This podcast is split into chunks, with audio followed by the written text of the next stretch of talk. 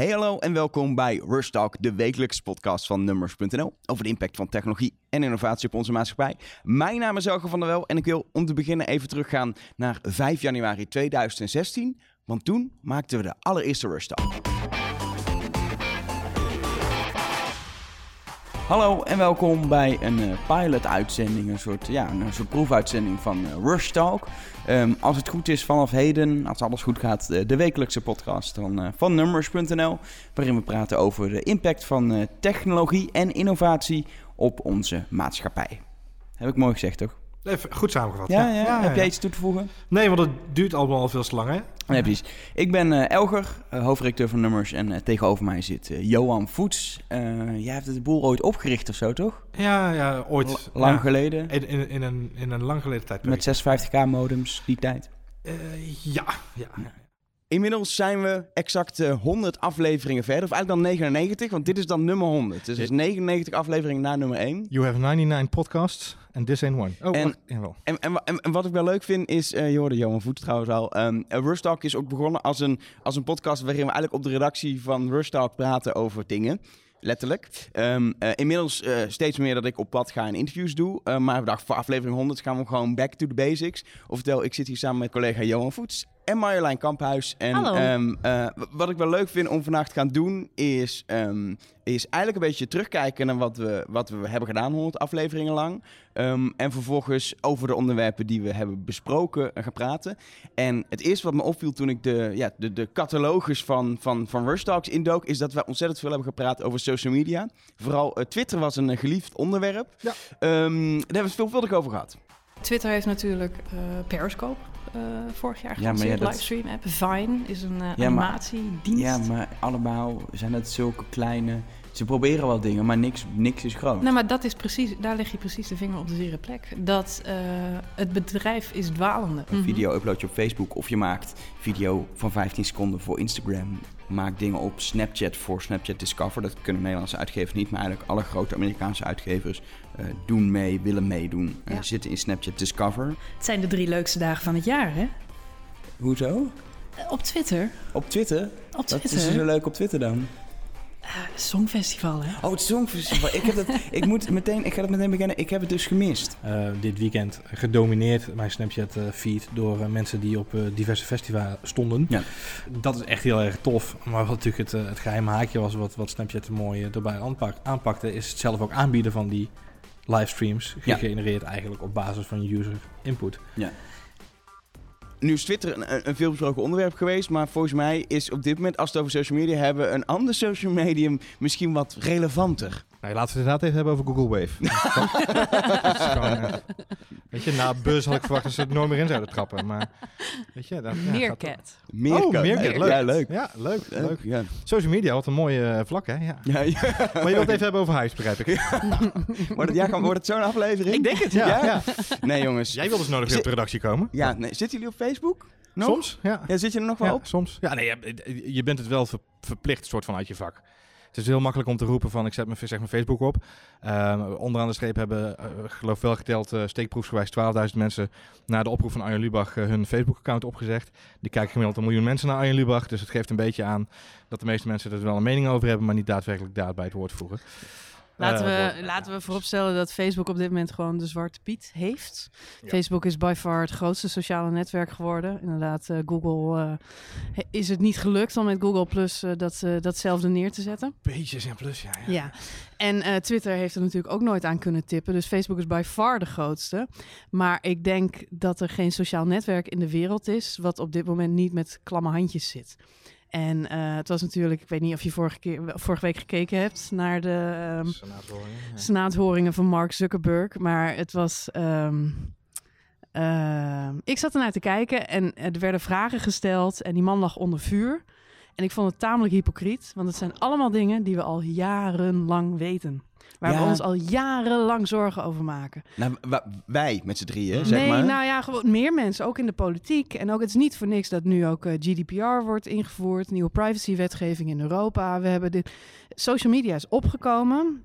Het is inmiddels al, uh, wat is het, Twitter is 12 jaar oud nu. Facebook, Facebook is 14 jaar oud. 14 jaar oud. Uh, we hebben het allemaal gezien en we realiseerden we realiseren ons al jarenlang allemaal dat het echt wel heel groot is en dat de regulering voor nodig is. En dat hebben we eigenlijk misschien wel allemaal te lang laten lopen. Op de eerste plaats hebben de sociale media het zelf veel te lang laten lopen. Het is gewoon gênant dat ze op dit moment zeggen: ja, we hebben de shit niet op orde. Dat ze natuurlijk wel moeten hebben. Uh, Facebook heeft op dit moment de Zwarte Piet gekregen. Die staan uh, ja, in de spotlight. Maar bij elk sociaal medium op dit moment uh, loopt op dit moment deze discussie. Hoe gaan we daarmee om? Want niemand heeft de shit op orde. Nee, ik denk het breder is zelfs dan, dan wat dat betreft social media. Want ik denk dat, dat, dat Google ook heel goed meekijkt dat er bij Facebook gebeurt. Terwijl ja. zij op social media natuurlijk juist, juist ja. nooit iets hebben bereikt, zeg maar. Ja, maar ik denk exact. dat wat Marlijn ook terecht zegt. Inderdaad. Ik denk dat de meeste mensen... Uh, er is al bij iedereen, uh, ik denk zelfs de meest, de meest notoire, uh, naïeve, naïeve mensen... heeft er een stemmetje in een achterhoofd gebabbeld of een klein, een klein muisje geknaagd... Die, die ze heeft doen realiseren van... hoe kan het nou dat ik zo'n platform gratis kan gebruiken? En ik denk dat iedereen in de afgelopen 14 jaar genoeg te horen heeft gekregen. Uh, uh, als je er niet voor betaalt, dan ben je het product. Hè? Dat is de wel bekende, in iets andere vorm de bekende slogan. Um, en ik denk dat een hele hoop mensen zich dat heus wel gerealiseerd hebben. Alleen ik denk dat een heleboel mensen nu zich gewoon kapot schrikken van het feit dat het daadwerkelijk op deze manier gebeurt.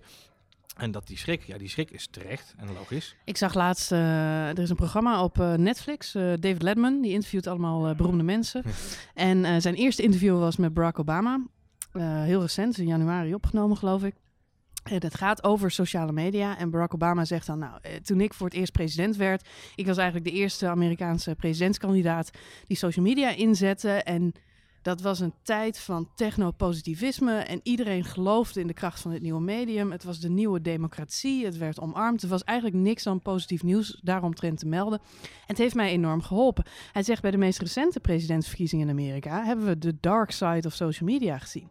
En hebben we ons gerealiseerd dat het ook op een ja, uh, illegale wijze gebruikt kan worden om mensen aan de macht te helpen. Dat is de situatie die zich nu heeft voorgedaan. Het is niet voor niks dat we in Nederland afgelopen gemeenteraadsverkiezingen allemaal weer met potlood hebben gestemd. Maar het is, wat dat betreft is denk ik, dat is nu bij social media, maar ik denk dat bij heel veel technologie zo is, dat er heel veel optimisme is en dan wordt het groot en krijgt het echt impact en tractie.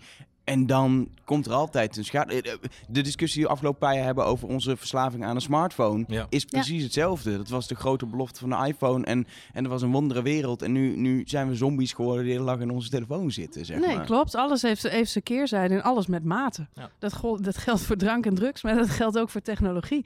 En, uh, en, de, en, en goed, ja, het hele privacy aspect. Dat, data is te hacken, dat weten we nu. Dus security, security, dat is het onderwerp van de komende tien jaar. Hoe gaan we in vredesnaam al die data beveiligen? Want het feit dat nu onze gegevens bij hackers in Rusland liggen, die onze ja, verkiezingen kunnen beïnvloeden. Dat is onderaan de streep waar het om draait. En dat is niet alleen verkiezingen, dat zijn ook onze medische gegevens. Dat is, uh, ik weet niet of je wel eens naar de podcast van uh, Manouche Zomrodi geluisterd hebt. Uh, Note zelf. Note zelf. Ze heeft een privacy-experiment gedaan. En daarin um, ja, hoor je ook wat er mensen die uh, op, op Facebook weet eerder dat jij vreemd gaat, of van plan bent om vreemd te gaan, dan jijzelf. ja, nee, zeg maar. Okay. Omdat jij op een gegeven moment, ja, je gaat, weet ik veel, als je zelf een vrouw bent en je gaat ineens weer allerlei mannen bekijken op Facebook, of je hebt chatcontact met iemand wat regelmatiger. Facebook heeft in de gaten dat je verliefd wordt.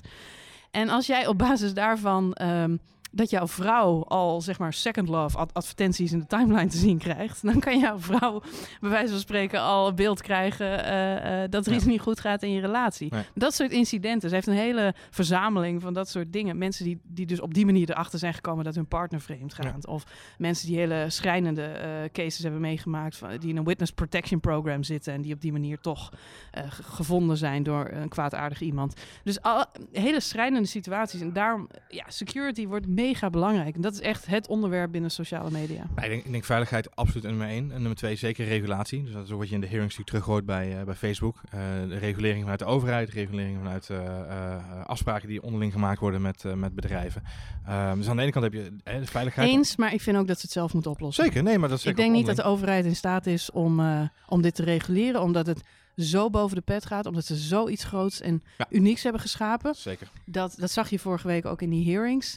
Eigenlijk hebben die mensen geen idee waar het over gaat. Ze, ze liepen helemaal vast toen ze Mark aan het interviewen waren. Maar wat je ook ziet is dat de, de, de congresleden die er een beetje verstand van hebben, die kijken toch wel naar Europa bijna een beetje jaloers. Natuurlijk in Amerika helemaal niet zo gewend om, om bedrijven te reguleren. Daar zijn ze helemaal geen voorstander van. Maar op dit moment denken ze wel, hmm, is toch niet zo gek wat ze in Europa aan reguleringen aan het doen zijn voor de privacy van, uh, van gebruikers van zo'n platform. Zeker, maar dat, we weten allemaal allemaal ook eh, vanuit Europa bezien. Ik ben met je eens. Ik zag datzelfde wel een beetje terug bij, de, bij, de, eh, bij sommige congresleden of, of mensen die daar een mening over hebben. Ook eh, eh, mensen uit het zakenleven zelf, hè, dus eh, vanuit Google en vanuit eh, Twitter. Eh, tuurlijk prima. Eh, alleen wij weten ook vanuit Europa hoe hard het werken is om één continent bij elkaar te houden. Laat staan dat Ja. we een wereldwijd eh, afsprakensysteem kunnen hanteren. Nou, volgens mij is dat eh, zeker met de huidige regering in Amerika super lastig om daar goede afspraken mee te maken. Lijkt me niet de meest betrouwbare regering alle tijden die er zit. Dus weet je, wij weten ook dat het hard werk is om al die mensen aan boord te houden en om al die afspraken goed er doorheen te krijgen. Dat is geen half werk.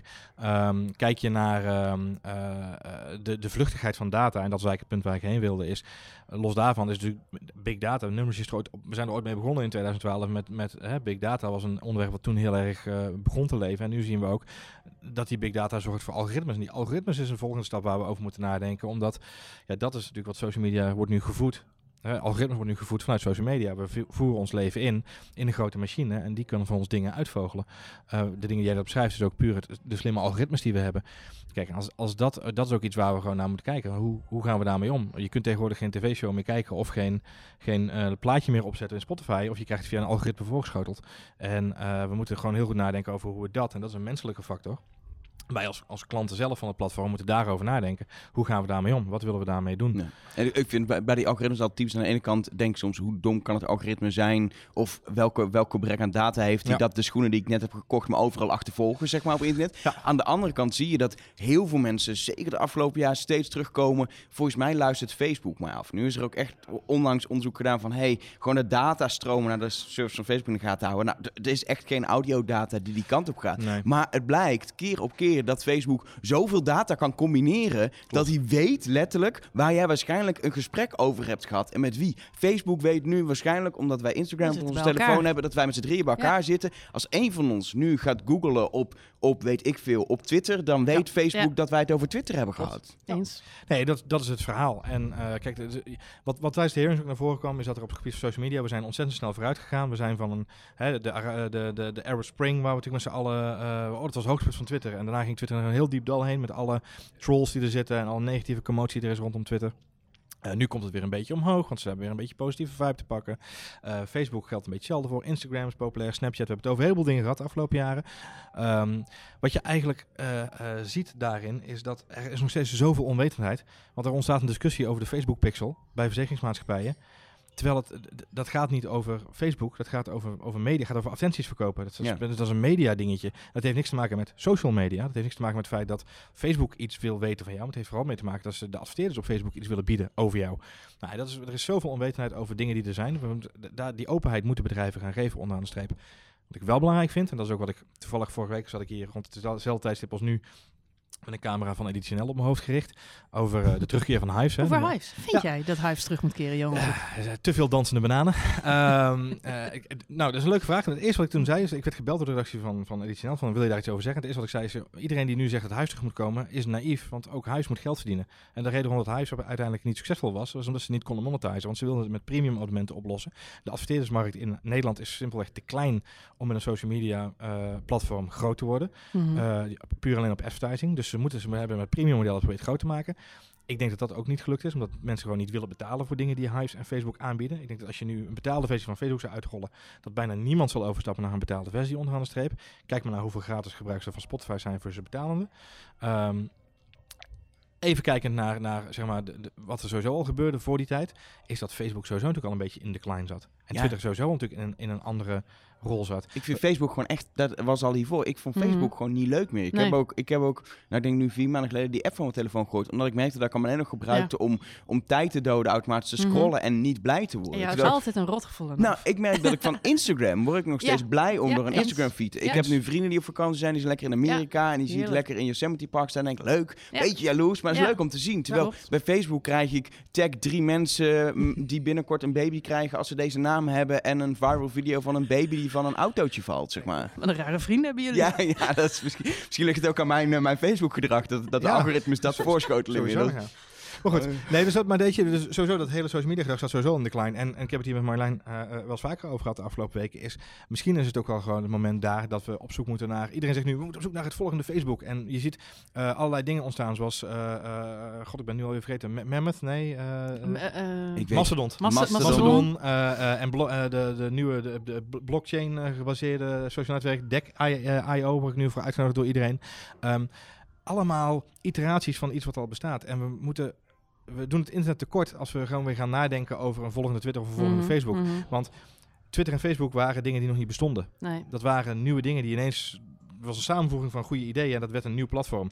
En we doen onszelf tekort als we nu op zoek gaan naar het volgende van iets. Dat is, Mhm. maar dat is, dat is ook het probleem met, met, met... Het is ook wel een beetje een grapje. Hives moet terugkomen. Wij vinden Hives echt niet meer leuk als het nu terug zou komen. Het is gewoon echt niet leuk om Ik te gaan ben- krabbelen bij elkaar. Nou, ik vind het wel leuk. Super camp. Als je je voorstelt om nu te gaan krabbelen, Elge, dan zou ik geen nee zeggen. Maar weet je, nee, eh, eh, dit is niet mijn primaire hobby nog inderdaad. Lekker krabbelen of uh, wat is, had, had je meer? eh, eh, logjes achterlaten of zo. Ja, porren. Porren, maar dat kan ook op Facebook, Ja, dus daar hoef je niet voor naar... eh, eh, een beetje met je, met je Pokémon. Ik denk niet, ik, de, de- vorige week die actie van, eh, van Lubach, dat had geen succes. Eh, maar ik denk... Hij vindt het zelf van wel, hè?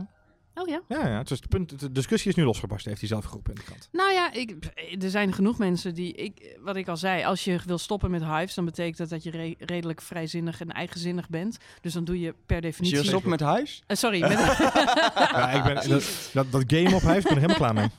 als je wil stoppen met Facebook, dan, dan ben je redelijk eh, independent, zeg maar. En dan ga je dus niet meedoen aan zo'n eh, ingezette groepsactie, denk ik. Eh, maar goed, 12.000 mensen vind ik nog steeds best veel. Maar ik denk niet dat ehm, de massa ermee gaat stoppen. Omdat Facebook in wezen hetzelfde is als de telefoon of de televisie. Het is gewoon een kanaal wat we nodig hebben. Om de meeste mensen die ik spreek, die zeggen ik stop er niet mee vanwege events. En ik krijg uitnodigingen voor, voor dingen. En dat gaat allemaal via Facebook. Andere mensen die ik spreek, die stoppen er niet mee vanwege werk. Nou, dat is in ons geval zo. Wij beheren Facebook-accounts voor diverse klanten en allerlei grote merken. Wij moet, ik zit dagelijks op Facebook om advertenties en dat soort dingen in te richten. Dat is heel iets Ja. anders. En om content eh, eh, ja, te publiceren als publisher. Ehm, Ook dat doen we trouwens, ja. Ja, dus daar, daar hebben we het gewoon voor nodig. En er zijn eh, heel veel publishers, heb ik al gelezen, die ook zeggen van ja, sorry, maar het is echt, het is gewoon ons distributiekanaal. Ja. En eh, al- als wij een stuk over eh Hive schrijven, nou ja, dan boosten we op mensen die Hives leuk vinden. Zou er een Hives pagina zijn op Zeker, Facebook? Ja, Dat 100%. moet, dat, Ja, hoeveel zeker. leden zou die hebben? 10 miljoen, denk ik. Ja. Iedereen wil Hives terug. Kan Is, is, wel, is wel heel meta. En is Hives het- op Facebook. En is het, ja, ik wou het zeggen. Nou, want ehm, Mark Zuckerberg zit niet op Twitter. Ja. Nee, ja, ja. ja. Maar Denk zit Jack Dorsey na. wel op Facebook? Ja. Steve Wozniak heeft een Windows-PC. Oh nee. Volgens mij is dit Anyway. het moment dat we dit onderwerp gaan afronden. En we, kunnen, we kunnen hier volgens mij nog een losse podcast over maken. Er is Ja. genoeg te bespreken Maar we op zitten dit echt in een andere fase van social media. En Ja. dat is eh, niet altijd positief op dit moment. Maar het is wel goed dat er een keer kritiek is. En eh, niet alleen door de eh, media, maar ook door de mensen zelf. Het is niet voor niks dat half Nederland eh, tegen de eh, sleepwet heeft gestemd. Dus er zijn veel mensen die zich er zorgen om maken. En dat is, ben ik met Arjen Lubach eens, een goed teken. Ja, en ik, denk wel, ik denk wel dat, en dat heeft niet eens hiermee te maken, maar net wat we net zeiden, dat, dat je al merkt dat Facebook minder leuk is, dat zeg maar, eh, Facebook echt zijn hoogtepunt heeft gehad. En Ja. dat het niet verdwijnt, ik denk dat het Ja. blijft, maar dat je ziet dat, dat, dat, dat Instagram, maar ook eh, appgroepen de laatste jaren hebben functies overgenomen, Ja. dat, het, dat het wat meer diversie, ja, diverser wordt wat, jij wij zegt, met social media app, doen. app, appgroepen hebben bij mij de functie van Twitter en Facebook overgenomen. En, eh, en Instagram. En, en Dus onderschat het- ook niet al die kantoren met Slack waar de hele dag gifjes worden Ja. gestuurd. Ik weet Dus van niks. Jij weet van niks. Nee. verplaatst. Het is Ehm, eigenlijk net het uitgaansleven. Hè? Dan is die kroeg weer hip en dan is die kroeg weer hip. En Ja. dat verplaatst. Laten we even van social media, wat toch een beetje ouderwets voelt om daarover te praten, iets futuristischer Oh, gaan. leuk. Het tweede onderwerp waar we het veel over hebben gehad in Restock is namelijk zelfrijdende auto's. Oh.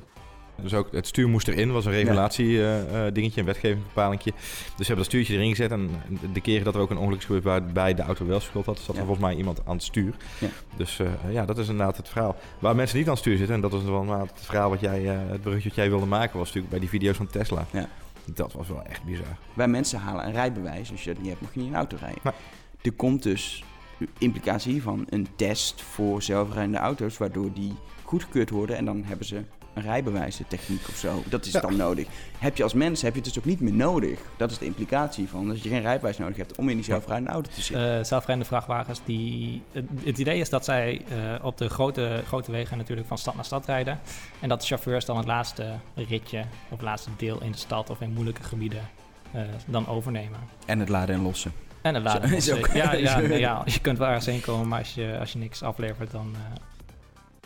concreet ding wat ik met zelfrijdende auto's heb, is niet alleen dat er vorige maand twee ernstige ongelukken zijn gebeurd. Met een, met een Tesla autopilot die wel waarschuwde, pak het stuur weer vast, maar de bestuurder deed het niet. En natuurlijk Uber die gewoon met een safety driver achter het stuur toch gewoon een vrouw heeft aangereden. Ehm daar moet ik zeker over hebben. Maar wat ik interessant vind is, eh, ja, de klok is ticking. Al die autofabrikanten hebben het gehad over 2020. Dan Mhm. moeten die zelfrijdende auto's, die volledig zelfrijdende auto's, de eerste van de band afrollen. Ja. Dat is zeg maar nog twee jaar. Mhm. Mhm. Maar het is, het- kijk, dat is een goed punt. eh. Ja. Goed, goed op de kalender gekeken al. Eh kalendermanagement on top. Wat, ik, wat ik zo komisch vind, even tussendoor, is dat 2020 zo'n magisch getal is. Ik. Ja, hoor, ja, maar ik hoor dat al, ik hoor dat al tien jaar lang. En tien jaar geleden was dat ook goed om te zeggen, want het was hè, verre toekomst. Ja. Maar nu, inderdaad, wat je zegt, het is over twee jaar. Maar er zijn nog steeds diverse congressen, pensioen 2020 en eh, auto's 2020. Maar het, het is wel mooi om alle dingen die, 2020. om al die dingen die zeg maar zo tien jaar geleden zijn Ja. besproken over 2020 even een keer samen te vatten en dan eens te kijken waar we staan als het echt Ik kan 2020 iedereen het advies geven, als je nu een futur- futuristisch event gaat organiseren, noem het dan 2030. Ja. Dan geef je jezelf Goed iets advies. meer. Be- best Iets toch- meer best respect. toch minder lekker dan Ja. 2020. Ja, zeker, maar Ja, ja, kijk, het is, eh, je hoeft maar een aflevering van de Thunderbirds aan te zetten uit, eh wat is het, jaren 60, 70 komt het geloof ik vandaan. Om, eh, dat speelde zich geloof ik af in 1999. Dus weet je, toekomst hebben we altijd een heel positief beeld gehad over wat we willen bereiken. Maar ik vind, de, de, de, ehm, we zijn er niet zo heel ver van verwijderd. En ik denk niet dat we in 2020 massaal met z'n allen overstappen op een zelfrijdende auto. Ehm, maar je ziet wel dat we veel dichterbij zijn dan ooit. Eh, en met name in Amerika, hier in Europa, eh, eh, zien we er heel weinig van. Of eigenlijk in Nederland zien we er heel weinig van. Wat jammer is. Maar ga je bijvoorbeeld naar Noorwegen, sorry, Zweden, waar Volvo aan het testen is met 100 zelfrijdende eh XC90's geloof ik uit mijn hoofd. Wat toevallig ook geen kleine autootjes zijn die gewoon zelfrijdend vervoer aan het testen zijn. Ehm, eh, Amerika natuurlijk, Google, Uber, eh, eh, ook Tesla heeft daar gewoon zijn eigen tests al wel aan het draaien om gewoon naar volledig autonoom te gaan. Ja. Dus weet je, zijn- we zijn wel dichterbij dan ooit. Ehm, maar er zit een verschil tussen de eerste zelfrijdende auto's die van de band afkomen rollen en de eerste zelfrijdende auto's die jou op de A4 inhalen, zeg maar. Ja, nee, dat, dat is zeker zo. Wat, wat, wat ik wat dat betreft interessant vind, wat wij inderdaad helemaal niet meekrijgen, is dat Google, of eh, moeten we eigenlijk zeggen Waymo, is officieel een zusterbedrijf Ja. van, eh, van Google, op dit moment in Arizona rijdt met testauto's zonder safety driver achter het Ja. stuur. Die zijn volledig autonoom en eh, in principe is er geen mens wat het stuur over kan nemen. Eh, ze willen dat nu ook in Californië gaan doen, waar ze ook toestemming voor hebben. Dat is echt al heel ver gevorderd. Dat is die auto waar we het over hebben, 2020, die daadwerkelijk Ja. in het verkeer meedoet. Ja, wat, ik, wat ik daar het risico aan vind is, eh, ehm, kijk, ze zetten zo'n safety driver er niet voor niks in. Die, die Nee. mensen zitten daar om, omdat het wel degelijk nog nodig is om af en toe in te grijpen. En eh, de, je noemde net de twee ongevallen die hebben plaatsgevonden. Nou, de ene is bij Tesla, is vrij evident. Eh er is gewoon iemand heel naïef geweest, die heeft niet overgenomen. Nee. Eh, ja, weet je, ik kan, het, het klinkt heel lullig, heel hard, maar het is gewoon dom. Het is gewoon ronduit Maar dom. het, het is ook raar dat, dat, dat, dat een Tesla op het moment dat hij drie keer de waarschuwing geeft, neem het stuur over, niet aan de kant parkeert, zeg maar. Dat hij wel blijft rijden. Ik weet niet, je hebt natuurlijk zelf geen rijbewijs. Nee, dus het nee. is misschien, misschien moeilijk uit te leggen als je met 120 km per uur op de snelweg rijdt. Dat je niet even een auto langs de kant zet. Nee, nee, dat snap ik ook. En eh er is natuurlijk een reden dat de Amerikaanse overheid, of de- het justitiesysteem al vrij snel besloten heeft om Tesla uit die mix te halen. Hè, van, van de schuldvraag, wie daar de schuldige aan is. Eh, volgens mij zijn ze daar uit die, uit, die, uit die zaak nu verwijderd. Ze hebben geen rol gespeeld bij het ongeluk, is, is duidelijk geworden. Ehm, dus dat is, dat is een vrij, eh, lijkt me een vrij evident verhaal. Het geval van Uber geeft wel inderdaad aan hoe, hoe belangrijk het is dat er nog een oplettende safety driver in zo'n auto zit. En dat we heus nog niet op het punt zijn dat we dus de handjes echt los kunnen laten. En even lekker op ons gemak onze make-up kunnen doen en ons kunnen scheren. Eh, wat ik zelf elke ochtend liefst in de auto doe. Ehm, dus weet je, dat is wel iets waar we gewoon rekening mee moeten houden eh, eh, voor de komende jaren. Ook als in 2020 wel die eerste auto's op de weg komen. En dat zou me niet verbazen als het echt wel gaat lukken. Ook dan is het nog steeds belangrijk dat, mensen, dat we als mensen alert blijven op wat er gebeurt. Ehm, eh, want de technologie is wel heel ver. Maar er is niks zo onvoorspelbaar als een mens, onderaan de streep. En dat zie je bij het geval van Uber. Is dat het geval. Er komt iemand eh, ineens oversteken uit de schaduw. eh, eh, op een plek waar ook een mens het niet had kunnen zien. Dus dat is ook wel een belangrijke connotatie daar. Dat- ook een mens had dat ongeluk niet kunnen voorkomen, blijkt uit de onderzoeken. Maar dan nog, weet je, dat geeft maar aan dat het is niet zomaar 1, 2, 3 opgelost, het probleem. En even terugpakken op ons vorige onderwerp. Die 2020 gaan halen. Ik denk dat het technisch misschien wel mogelijk is dat, dat alle grote autofabrikanten hun eerste auto's eruit rollen. Maar zeker nu gezien de discussie over social media, technologie, uh, de invloed van, van bepaalde dingen op ons leven, zal er veel meer discussie gaan plaatsvinden over regulatie. En over de regelgeving rondom zelfrijdend verkeer. En hoe we dat moeten gaan oplossen op de, op in de praktijk op de snelweg. Komt er een aparte baan op de A2? Uh, met zelfrijdende auto's die kunnen platoonen, die aan elkaar kunnen lussen. Moet er een, uh, een, een, vluchtstrook opengesteld worden om in te gaan testen de eerste paar jaar. Wat doen we inderdaad met snelheidsovertredingen en dat soort dingetjes, weet je wel. Dus dat zijn hele basale dingen die ik nu noem, en hele, hele luchtige onderwerpen. Maar er zitten echt nog wel een hele grote sloot van afspraken die op verschillende niveaus moeten worden gemaakt. Europees, wereldwijd, maar ook per land. Ja. Wat ik ook denk is dat uh, er zijn op dit moment twee hele grote ontwikkelingen binnen de auto-industrie. Eén is zelfrijdend, twee is brandstof. Ja. En in diverse grote wereldsteden is nu al de afspraak gemaakt dat binnen nu een x aantal jaar um, alle steden, zeg maar, uh, ja, emissievrij, uh, of alle auto's ja, emissievrij die, moeten die, die zijn. auto's zijn al, worden al geweerd. worden al geweerd, exact, exact. En dan heb je het enerzijds over elektrische auto's, maar ook alweer over de volgende stap van waterstofauto's wordt over gesproken. Uh, en er zijn nog diverse andere technologieën die in ontwikkeling zijn. Want elektra is ook nog niet uh, de oplossing voor uh, een duurzamere wereld per se. Um, en sowieso weet ik dat de auto-industrie die werkt echt al x aantal jaren vooruit. Dus de auto's die wij over vijf jaar rijden, die zijn nu al getekend. Ja. Um, dus het is best wel getekend, zeg ik, maar ook al in voorproductie. Um, dus het is best wel lastig om in die branche heel erg snel uh, innovatie er doorheen te krijgen.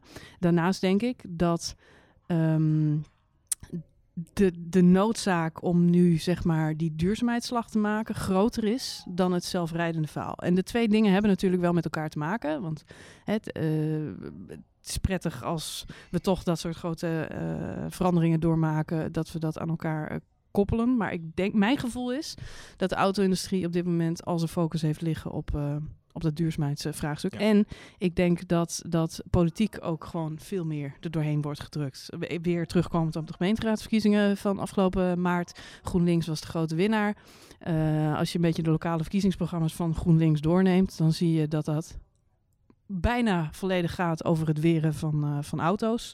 Uh, terugbrengen van het aantal wegen. Het investeren in elektrische fietsen wordt de komende jaren steeds belangrijker. Elektrische auto's. Dus er zijn meer en meer gemeentes, met name op gemeentelijk niveau, gaan dit soort uh, regels steeds sneller doorgevoerd ik, worden. Ik, ik dus die alles, autobedrijven moeten gewoon aan de bak. Ik weet er alles van. Ik woon in Utrecht, waar GroenLinks al ook het afgelopen vier jaar natuurlijk voor het zeggen ja. had, grotendeels. Nou, er zijn heel veel wegen veranderd in een soort fietspaden, waar ja. toevallig ook een autootje mag passeren als je geluk heeft. Um, en de, ze willen dat geloof ik met nog 200 wegen in Utrecht ja. uh, doen de komende jaren. Er is sprake uh, hier in Haarlem dat ze een fietssnelweg willen aanleggen naar Amsterdam. En er zijn natuurlijk de afgelopen jaren steeds meer mensen van Amsterdam naar Haarlem verhuisd. Dus het woon-werkverkeer is enorm. Um, overigens met een hele goede treinverbinding. Dus ik snap niet waarom al die mensen zo nodig in de file nee. moeten staan. Maar uh, wat wel zo is, is dat inderdaad het lokale beleid... Ook hier is GroenLinks de grootste geworden. In Amsterdam natuurlijk ook. Dus zeker in de Randstad zullen we steeds meer fietssnelwegen gaan zien. En elektrische fietsen. En hoe gaan we dat? En ik ben heel benieuwd, want ik, ik denk namelijk... Kijk, je gaat mensen niet uit de auto krijgen. Um, het is lekker om op de fietssnelweg naar Amsterdam te gaan in de zomer. Of, of in een trein maar, te zitten als je, als je echt nog wil werken, ja, bijvoorbeeld. bijvoorbeeld. Maar uh, voor sommige mensen is het gewoon noodzaak om met de auto te gaan. Daarnaast, als straks die duurzaamheidsslag eenmaal gemaakt is... en alle auto's zijn elektrisch of waterstof of wat de technologie dan ook is... hebben we nog steeds die wegen nodig om mensen van A naar B nou. te vervoeren. Je ziet het nu al, de economie trekt aan. Uh, alle snelwegen zijn weer volgelopen. Sommig vervoer ga je gewoon niet weren. Dus ik denk, ik vind het een beetje kortzichtig om wat je zegt naar alle wegen maar nu te gaan versmallen. Ja. Uh, wat belangrijker is, is dat we nu gaan inzetten, denk ik, op ja, elektra en, ja. en laadplekken. En dat dat gewoon normaal wordt dat we uh, van uh, ja, vervuilende brandstof afgaan. Wat, wat ik nog wel interessant vind in, in, in het plaatje toch uh, zelfrijdende auto's en ook een veranderende auto-industrie, is hoe die industrie verandert. Hoe ze al wel voortborduren op, op het fenomeen, daar hebben we het ook al eerder in Rust ook over gehad, van bezit naar toegang tot een auto. Ja. Mm -hmm. um, nou, Uber is er eigenlijk een voorbeeld van. Uh, weet je, die menselijke chauffeurs van Uber zijn een soort tussenmiddel totdat er gewoon zeg maar robots rondrijden. Zo uit zijn robots waar die je gewoon op kan op en in kan stappen. Dus dan zijn geen mensen meer nodig. Maar je ziet ook, en dat vind ik wel interessant, in Amerika nu al die luxe merken, Mercedes, BMW, maar ook echt de Porsche, die allemaal abonnementen op auto's aanbieden. Dan komt er nu een mannetje, als je, als je, als je zo'n lekkere mooie dure auto hebt, die komt een voorrijden, afgetankt en alles. Maar dat is natuurlijk tijdelijk. Straks nemen we gewoon abonnement op luxe auto's, of misschien juist minder luxe auto's. En als je er een nodig hebt, dan rijdt er vanuit een parkeerplek in de buurt eentje naar je toe. En dan hebben we niet over 2020, dat is echt nog veel verder. Ja. Maar nu begint het in het luxe segment. En daar betaal je 2 tot 4.000 dollar per maand voor, weet je. Dat is Ja. echt voor de rijke mensen. Maar kun je de allermooiste Mercedes of Porsches of wat dan ook rijden, zonder dat je zelfs een auto in bezit hebt. Ja, maar dat is natuurlijk ook een hele grote marketingstunt onderaan de streep. Eh, als je kijkt naar uh, lange termijn rendabelheid en, en reali- re- realistische eh, eh, scenario's die zich zullen gaan voordoen. Kijk, eh, het niet bezitten van een auto wordt heel erg relevant voor mensen die in een drukke binnenstad wonen. Mhm. Uh, dus in Utrecht, in Rotterdam, in, in Amsterdam zullen de binnensteden steeds vaker uh, autovrij worden. Uh, ik sprak, uh, volgens mij heb ik dat ook in de podcast die we hebben opgenomen over Tesla, heb ik, heb ik deze anekdote volgens mij ook gedeeld. Ik sprak ooit een topman van Intel, van de automotive tak van Intel, um, uh, Tom Steenman uit mijn hoofd, een Nederlandse man die in Amerika woont. Hij is al 20 jaar, in, in 25 jaar nu intussen in, uh, in Amerika bezig voor Intel met de automotive industrie. En hij kwam terug in Nederland voor het eerst in tien jaar of zo. En hij zei van, joh, ik ben verbaasd dat Amsterdam nog steeds niet autovrij is. Want als ik burgemeester van Amsterdam zou zijn, even heel plat gezegd, makkelijk gezegd op Amerikaans, dan zou ik de grachten autovrij maken en ik zou daar... Ook dacht dempen. Ik, ja, ook, ja.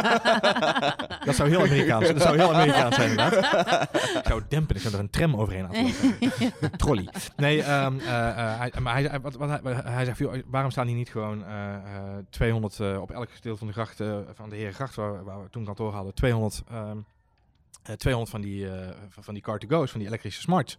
En mensen die, hun, die een auto hebben in de binnenstad, parkeren hun auto in een mooie grote parkeergarage buiten de stad. En kunnen met die elektrische car-to-go's hun auto gaan halen als ze de stad uit willen. En als ze in de stad willen zijn, kunnen ze met die car-to-go's aan de slag. Uh, Venetië, iets ander voorbeeld, want daar hebben ze geen auto's rondrijden, maar hebben ze wel allemaal een bootje. Als je als toerist of als, als inwoner van Venetië een auto hebt, dan staat die in een hele grote parkeergarage buiten de stad. Mensen gaan dan met de watertaxi naar de garage en halen daar hun auto op om te gaan rondrijden. En ik denk dat dat uh, dat soort grotere oplossingen voor de binnensteden zeker een verhaal zijn. Maar ga je wat meer naar de rustigere gebieden kijken, uh, dan, dan zijn auto's, precies wat Marjolein zegt, mensen willen graag een auto hebben. Mensen willen de vrijheid hebben om te kunnen zeggen, ik stap nu in mijn auto, ik stap nu in een, uh, in een vervoersmiddel en ik bepaal zelf wanneer ik ergens heen ga en wanneer ik weer ergens vertrek. En ik denk dat dat iets is wat inherent menselijk is, wat je niet kunt verbreken. Zijn er nog steeds een heleboel dingen die we kunnen verbeteren met een zelfrijdende auto? Ik noem net al even platooning. Het grootste deel van het Nederlands fileprobleem is het feit dat mensen zich niet kunnen gedragen op de weg. Je hebt, ik weet niet of je de video kent, het experiment in Japan dat ze gedaan hebben met een file creëren. Ja, ja, ja met het rondje rijden. Uh, daar rijden auto's gewoon in een rondje. En als ze allemaal 50 km per uur blijven rijden, kunnen ze lekker blijven rijden. Maar zodra er eentje 48, 47 of 45 gaat rijden, ontstaat er een file. Ja. Um, en stokt het hele verkeer.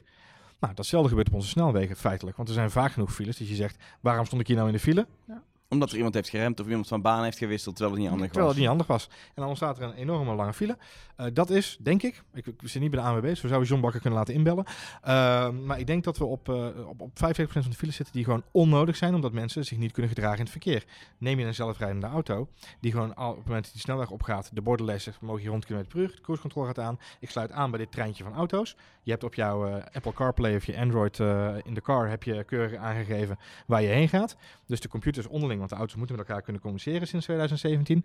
Uh, in Amerika onder andere. Uh, de, de, auto's onderling wisselen uit waar jij heen moet. Je kunt best bij dat rijtje aansluiten, want die gaat helemaal terug naar Den Bosch.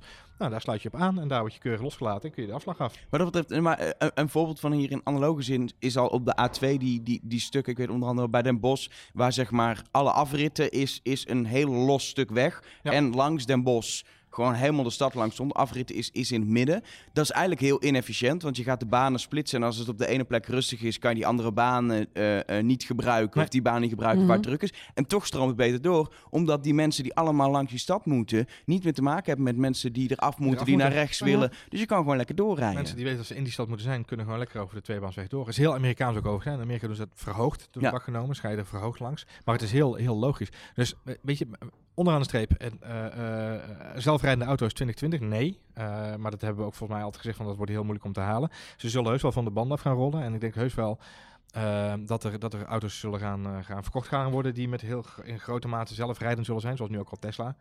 Hè, groten, grotendeels zelfrijdend is. En de technologie die we nu in een Tesla zien, dat we die gaan terugzien in eh, ook Volkswagens, Audi's, Skoda's. En Hebben, die hebben natuurlijk inmiddels uh, dankzij ook allerlei slimme overnames en samenwerkingen in principe Exact. de technologie op de plank liggen. Exact. En wat belangrijk is, was heel slim, en dat is het mooie van deze, want Marnij zei al terecht van de auto-industrie werkt vooruit. Uh, wat ze hebben geleerd, Tesla is intussen ook alweer een jaartje of vijf, zes bezig nu, met, met Model, e, Model S in ieder geval. Daarvoor ook al met de Roadster, waar ze mee geëxperimenteerd hebben. Maar die, wat Tesla heel slim gedaan heeft, is in die auto's de technologie, de hardware al ingebakken. En de auto doet een software over the air, uh, update over the air.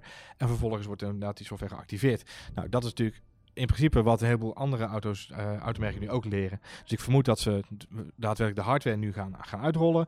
En binnen, binnen no time wordt die software uitgerold en kunnen mensen daarmee aan de slag. Ik weet dat een paar hele grote concerns zijn nu bezig. En wat mij nou gezegd, duurzaamheid is nu eerste prioriteit. Want er zijn nogal wat uh, schandaaltjes in de auto-industrie als het gaat om uitstoot en emissies. Um, ik, ik, ik bronnen uh, roepen dat er vanaf 2020, 2021 er eerst een hele grote push komt op elektrisch. Uh, dan gaat er een complete range van uh, grote automerken komt in één keer met alle series elektrisch. Waar nu nog heel veel auto's kiezen voor hybride en halve oplossingen. Komt er dan één concern met een complete elektrische lijn met alle modellen die ze nu ook al hebben. Ja, en dan, als ze slim zijn geweest, hebben ze daar de hardware al ingebouwd voor even de, auto, de autopilot functie van Tesla, om het zo maar even te zeggen. En vanaf dat moment gaan we verder voortborduren. Zo'n zin in een elektrische Fiat Panda. Heerlijk. Ja, maar goed, dan mag jij nog steeds niet rijden. Nee, dat is waar. Dat is, dat is wel een ding. Dus ik, ben wel, ik ben wel met jou eens. Het wordt een weg der geleidelijkheid. En we zien nu al steeds meer. Je hebt nu al uh, slim inparkeren. Ja. En dat is al. En zo, dit is ook een manier om mensen. Heerlijk. Ja, het is ook een manier om mensen eraan te laten wennen. Hè? Je kunt niet in één keer. En het, wordt, het gaat steeds verder met wat jij zegt. Inderdaad, suggesties geven van sorteer op deze baan. In diverse gemeentes worden op dit moment proeven gestart met smart parking. Dus dat je uh, auto je advies geeft van rij je één gracht verder, daar is een parkeerplekje vrij. Dus er zullen de komende vijf jaar echt wel van allerlei ontwikkelingen. Maar het zal niet zo zien dat je zijn dat je over twee jaar een zelfrijdende auto koopt.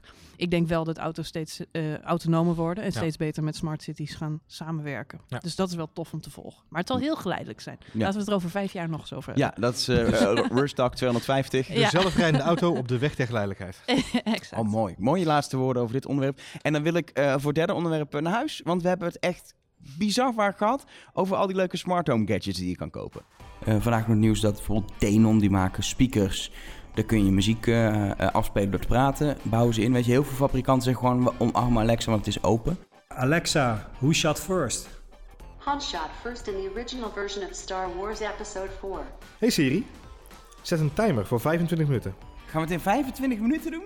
Zal wel moeten. Waarom maak je jezelf zo nodeloos moeilijk als je met uh, Siri kan kiezen voor een, uh, via de Apple TV voor een veel meer een complete home hub die uh, inderdaad op een andere manier meeluistert. Omdat het tweede spoor waar mijn hoofd op zit, we zijn als mensen compleet van het padje geraakt waarom we in hemelsnaam speakers in ons huis hebben staan. Om bijvoorbeeld een vraag te stellen, hoe lang is Woody Allen? Maar ook wanneer is mijn volgende afspraak? Uh, wat zijn de nieuwsheadlines van dit moment? Maar ook als je slimme lampen hebt, uh, doe mijn lampen aan en uit. En juist daarom is het zo belangrijk dat ze dat die kleine sp uh, speaker hebben. Dat je hem echt in alle, alle kamers kan gaan doen en je ja. huis slim kan maken.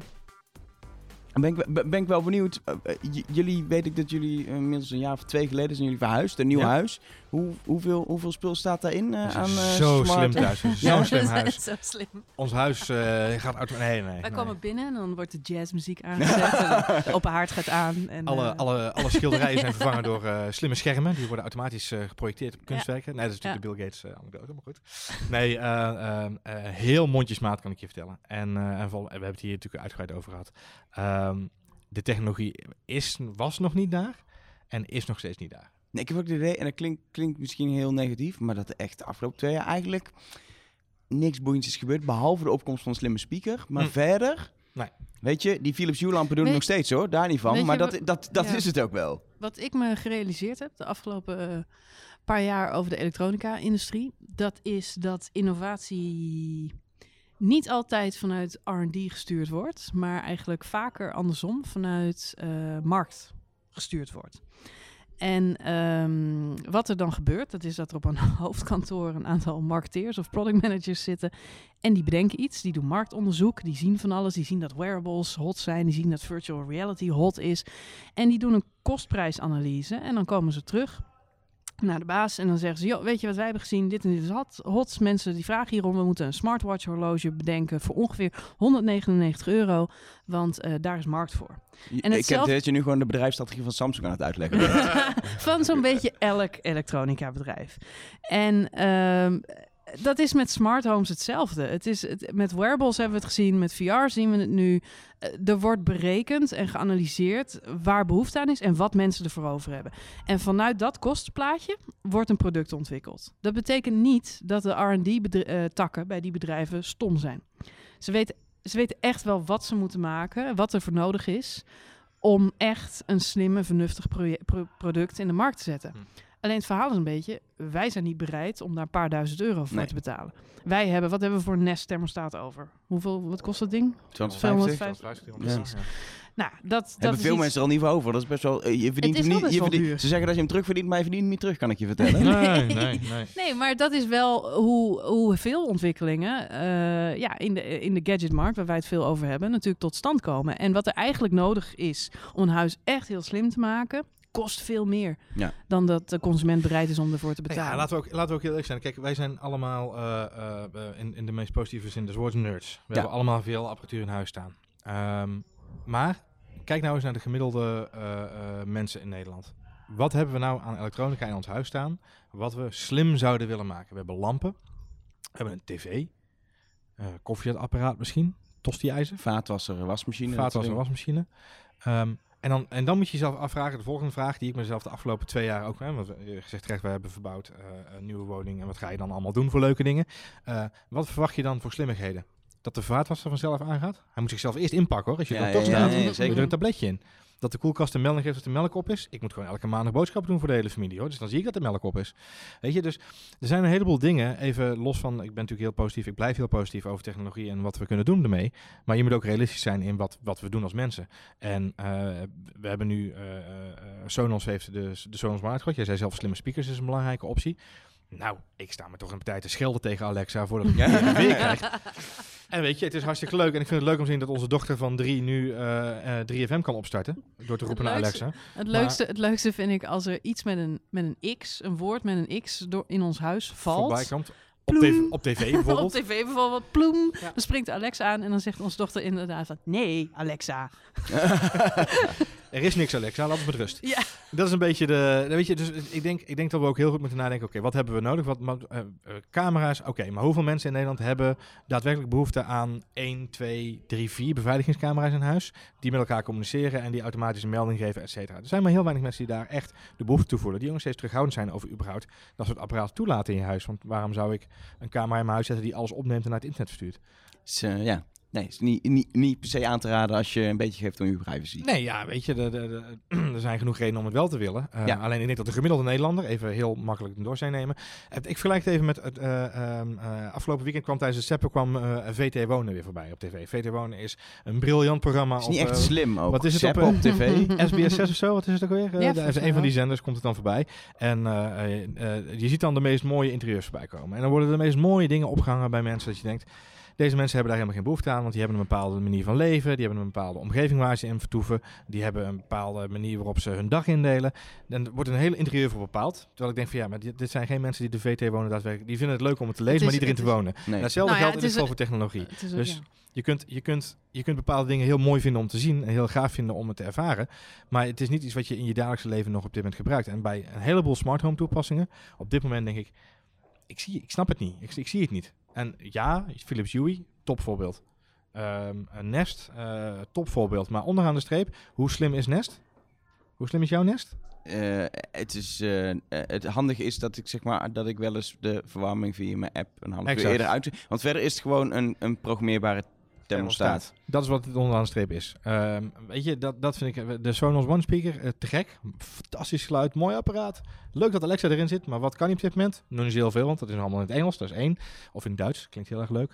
Ehm, maar je kunt dus niet zo heel erg veel ermee. Maar ook uiteindelijk in de toekomst, wat, wat dan? Weet je, wat is dan de volgende stap? We zijn nog niet zo ver als in Amerika dat we hier zeggen, we gaan via Amazon dingen kopen. Nee. Daar is onze markt helemaal nog niet klaar voor. Dus je moet ook nadenken over wat, wat willen we uit de smart home halen op dit moment. En dat dat, zie, dat is de reden waarom we nu op dit moment even stilvallen. Nee, wat, wat, wat ik eraan merk is inderdaad, ik ben nog steeds gewoon blij met domme Sonos. Daar word ik blij van, want ik kan gewoon lekker makkelijk overal een huis muziek eh, doen. nee, natuurlijk. Ehm, eh, en, en, en mijn beste aankoop op dat vlak, en dat klinkt heel som, want dat is niet echt eigenlijk heel vernieuwend en slim, is dat ik zo'n sensor heb gekocht voorbij eh Philips Hue in, eh, in de hal. Ik heb zo'n hal achter in huis, eh, waar je heel vaak even binnenloopt en uit. En soms ook volle handen of s'nachts als Ja. je naar de wc moet.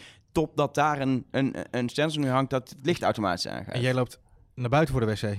Nee, ja, ik, mijn, ik heb een heel raar huis. Je hebt een dictie, je hebt een dictie buiten de Mijn, tuin mijn wc is naast de voordeur en mijn slaapkamer is helemaal achterin in een andere, Ah. met een andere hal. Dus daarom... eh, Utrecht, hè, krijg je dat. Utrecht, dan krijg je dat. Ja. Eh, nee, maar de- de- weet je, maar dit zijn. de- eh, Sonos is een goed voorbeeld van hoe slim is het nou eigenlijk onderschreven. Er zit een appje bij. Betekent dat alles wat een appje heeft dan bij een smart home hoort? Eh, mijn, eh, de, de stofzuigerrobot bij ons, eh, de, de Homebot van LG, zit een appje bij. En hij kan zelf, kan hij, gaat hij stofzuigen. Maar is het, is het een, het voorbeeld van een smart home? Is het een verbonden huis? Nee, want hij communiceert niet met andere dingen Nee. in mijn huis. Dus weet je, ik vind dat we echt weer over smart homes gaan praten als we een overkoepelend systeem hebben waarbij we van elkaar weten van oké, dit praat allemaal met elkaar. HomeKit kan het op dit moment niet hebben. Die, die, die trekt het niet. Dus ik vind het heel... Sommige apparaten ondersteunen het wel, andere apparaten niet. Lang leven de marketingafdeling van Apple, want ze willen niet met alle bedrijven samenwerken. Dus eh, ik heb een Nest thermostaat, die kan niet met HomeKit. En ik heb een Logitech Circle camera hangen, die kan wel met HomeKit, maar die kan weer niet met Nest. Nou, super handig. Ja, nee, dat is, ik, ik herken dit precies. Want ik heb ook inderdaad... Ik heb een slimme beveiligingscamera, een Nest en eh, Philips Hue. En Philips Hue kan met HomeKit en de rest van de apparaten niet. Niet? Nee. En, maar wat ik, wat, ik, wat ik wel heel interessant vind, als je nu naar de markt kijkt, en dat is helemaal niet een grote stap, maar wel gewoon, als je kijkt wat het doet met consumenten, is dat IKEA er zo in, in gaat zitten. En heel specifiek met bepaalde producten. En het is niet alleen smart, maar het is überhaupt elektronica. Ik, Mhm. ik heb heel veel moeite gedaan om een draadloze oplader te kopen bij IKEA, want die waren altijd uitverkocht. Ja. Iedereen wil die dingen hebben, die draadloze opladers Klopt. van IKEA.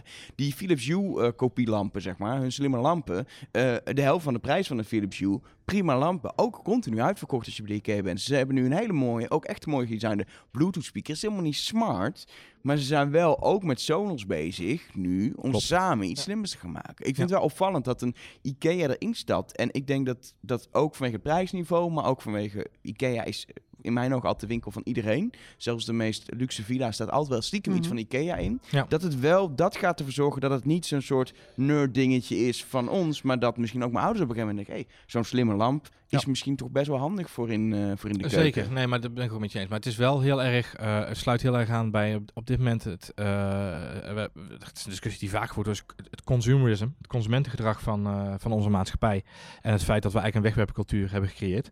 En we hadden het toevallig, naar aanleiding van het welbekende VTO, een voorbeeld, hadden we het erover dat mensen dat in hun inrichting tegenwoordig ook doen. En dit, dit sluit daar naadloos op aan. Dat op het moment dat IKEA slimme speakers gaat maken samen met Sonos, eh, stel dat het zo zou zijn, ehm, eh, dan doet het een afbreuk aan eh, eh, wat mensen ervoor investeren en wat ze ervoor over hebben om er, om iets moois van te, om te genieten. Het is namelijk een consumentenvoorwerp geworden. Het is een wegwerpvoorwerp geworden. Mensen die meubels kopen bij IKEA, kopen meubels bij IKEA omdat ze zeggen, ten eerste, het is betaalbaar. En als ik over twee jaar erop uitgekeken ben, koop ik een nieuwe bank. Want het is niet zo duur.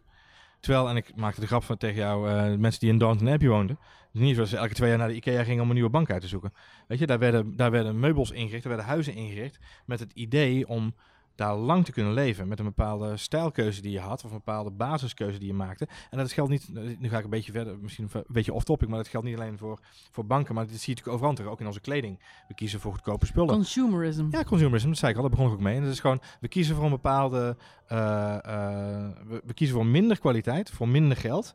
En eh, uitwisselbaarheid in, in dingen die juist in, in Zodat we het snel weer kunnen Zullen vervangen. kunnen, kunnen vangen. Terwijl we juist in zouden moeten zeggen, in de basis, jouw, jouw, jouw jeans en jouw, eh, die ene trui, die ene jas die je hebt, die zijn van zulke kwaliteit dat ze drie jaar mee kunnen. Ja. Nou, dat- wanneer heb jij voor het laatst eh, drie jaar gedaan met een H&M-jas? Vroeger was dat langer hoor. Vroeger deed je 20 jaar. Ja, nee, ik snap het. Natuurlijk. Dat- dat- dat- Nog ver voor onze tijd zelfs. Maar, Ah, bedoel- ik, ik vind wel, dit is, wat je, wat je zegt is ook, smart homes, ja. is ook typisch wat ik heb gehad toen ik mijn eerste Philips Hue lampen kocht. Toen was het echt een nieuw product. En ik dacht, dit vind ik vet, dit wil ik hebben. Ja. En dan zei Philips bij, die lampen gaan tien jaar mee. En inderdaad, de LED-technologie gaat tien jaar mee. Maar het eerste wat ik dacht is, ik vraag me af of zeg maar, de technologie eromheen en het hele platform over tien jaar nog dat draaiend is. is. en werkt. Inmiddels heb ik ze echt een x aantal jaar. En denk ik dat ik tien jaar haal. Maar toen ik ze kocht, heb ik er heel bewust rekening mee gehouden. Dat ik ze misschien na vijf jaar wel weg zou doen. Ja. Omdat het helemaal niet meer werkt, zeg maar. Ja, Wat ook kunnen. best had gekund als niemand die dingen verder had Klopt. gekocht. En je, en dan heb je dus nu, eh, toen was vijf jaar, nu, nu, jij zegt nu vijf jaar. En dan zeg ik, nou, dat is al best al een hele tijd vooruit. Want nu moet je ervan uitgaan, kijk eens naar jouw iPhone.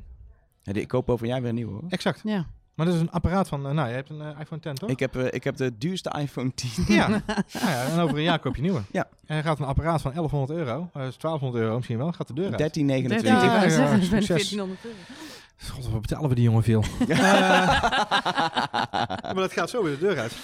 En eh, ehm, eh, dat is natuurlijk absurd. Nou, dat, erover we hebben, nadenkt. wij, wij zijn laatst eh, verhuisd met eh, ons kantoor. Toen hebben we een grote opruiming eh, gedaan. Toen kwam ik een la tegen met allemaal wearables. Ja, ja. ja. Waar de helft tussen, nou wat zeg ik, 80% niet meer van bestond. Oh, wauw. Dus Ja. daar kun je ook geen snars meer mee. Die kun je niet meer... ver- Nou, ik heb er eentje nog verkocht. Dat was de... Weet jij nog hoe dat ding heette? Die body media. Ja, de Body Media. Dat De was een ja. ding, jongen. Iedereen moest... er- En wij hebben destijds al die, die gadgets in Amerika gekocht. Omdat we die aan Footsie eh, gekoppeld hadden. En dan konden we... Ja, voor mensen die hun fitness wilden bijhouden... konden we dat ook in die app tracken. Ehm, maar er was dus nog een mevrouw die dat van mij wilde kopen via Marktplaats voor 10 euro. Omdat er dus diverse eh, eh, diëtisten in Nederland zijn die dat apparaat ooit gebruikt hebben in een pilot. Ja. En het is dus niet meer verkrijgbaar, maar via een soort circuitje, een, een, een Facebookgroepje, eh, wordt, is er dus nog steeds een jacht op die apparaten voor mensen die dat fitnessprogramma willen volhouden. Maar officieel wordt het dus niet meer gemaakt. Maar om me aan te geven, dit, dit apparaat is drie jaar oud. Dus de uitwisselbaarheid is gewoon, is gewoon extreem op dit moment. Dat is gewoon eh, onderaan de streep. en dat zorgt er ook voor dat we nu even in interbellum zitten als het gaat om smart homes. Want wat moet er nu gebeuren om die smart homes aan elkaar te Ja. kneden? Is dat eh, een smart speaker, wat jij zegt? Eh, is dat de, de stap die we moeten maken? Ehm, is dat een, eh, eh, een soort van eh overkoppelend netwerk waar we aangekoppeld moeten worden om te zorgen dat alle apparaten met elkaar kunnen blijven werken? Eh, ik weet dat in mijn vriendengroep om mij heen, mensen zijn gewoon bang om nu te, in, om te investeren in bepaalde hardware omdat ze zich afvragen of ze er over een jaar nog wel gebruik van kunnen maken. Jij zegt net vijf jaar. En nu zijn mensen die zeggen, ja, maar ja, volgend jaar kan het gewoon het hele systeem zijn kop leggen. En dan? En dan wil ik nog een tweede zorg aan toevoegen. En dat is waar we mee begonnen. Ja, doe maar. Ja. Privacy. Ja. Zeker. Nee, maar dat is zeker, dat is zeker een issue. Want, dat, eh. want je hangt je hele huis vol met slimme speakers, eh, microfoons, camera's.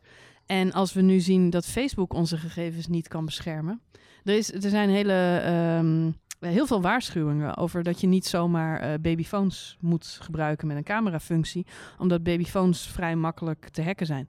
Er zijn websites op dark web waar hele feeds staan van Omdat ze gewoon het babykamers. admin, admin als paswoord hebben en dat soort dingen. Of gewoon Ja, eh, open, ja. open achterkant, zeg maar. Ja. Ja, en, en, en niet de minste. Hè. Ik bedoel, zelfs Nest heeft dit probleem gehad. Dat ze gewoon eh, de camera's, die mensen die dan in de app gewoon zeggen, share my, eh, share my feed. Dat gewoon niet doorhebben dat ze, of ze per ongeluk een knopje indrukken. En niet doorhebben dat hun feed gewoon open staat voor de wereld. En gewoon je woonkamer live gestreamd wordt. Dus het zijn geen, het zijn geen halfbakken problemen. Daarom zeg ik, Facebook krijgt nu de zwarte piet, omdat het naar buiten is gekomen. Oeh, een hele grote datalek. Maar ze zijn zeker niet de eerste en ook niet de laatste. Dus Nee, het is wel nee. een zorg die veel mensen hebben. En als je dat dan nu afweegt tegen wat levert een smart home op. Eén, het kost heel veel geld om, eh, om te investeren. Om al, nou, ne- neem die slimme lampen van Philips. Als je ze overal in huis wil hebben hangen, ben je een paar honderd euro verder. Thermostaten, camera's, al die dingen. Dus het is best een investering. Tel daarbij op de zorg om eh, privacy. Tel daarbij op de zorg, bestaat het over vijf jaar nog? Of kan ik het dan allemaal in de kliko gooien? Ja.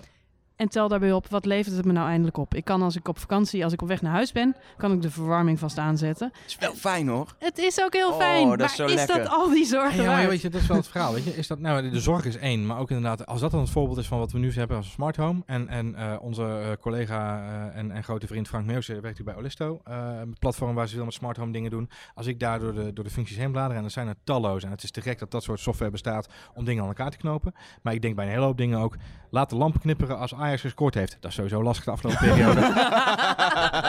ja, lach maar. Doe maar zo tegen me. Eh, eh, next year. Ehm, maakt niet uit. Eh, maar weet je, dat is- dat is een dingetje, weet je.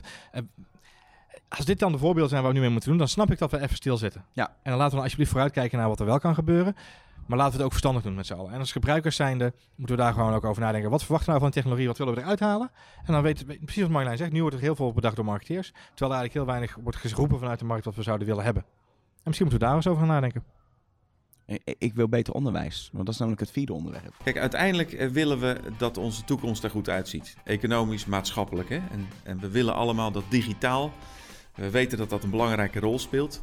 En we willen uiteindelijk dat onze kinderen worden opgeleid voor de banen van de toekomst. Ja. En niet voor de banen van gisteren. Ja, nee, maar we hebben eerst eh, hebben we de proefwerkweek en dan hebben we het eindkamp. En dan, eh, ik zeg, ja, maar dan is de zomervakantie. Ja, maar dan is de deur zes weken op slot. De kinderen van nu zijn digital natives. En ehm, de docenten, maar het is ook een beetje een generatieding dat de docenten eh, soms nog eh, hè, wat, wat, wat moeten bijspijkeren. En daarvoor zijn talloze voorbeelden van programma's en, en, en methodes online ook te vinden. Nou, je, je, je ziet dat, dat dingen vrij langzaam zijn gegaan. Dat, dat is denk ik één. Het, het, het innovatietempo in het onderwijs, zeker als het gaat om technologie, ligt eh, laag. Er is altijd een eh, hoge mate van voorzichtigheid geweest.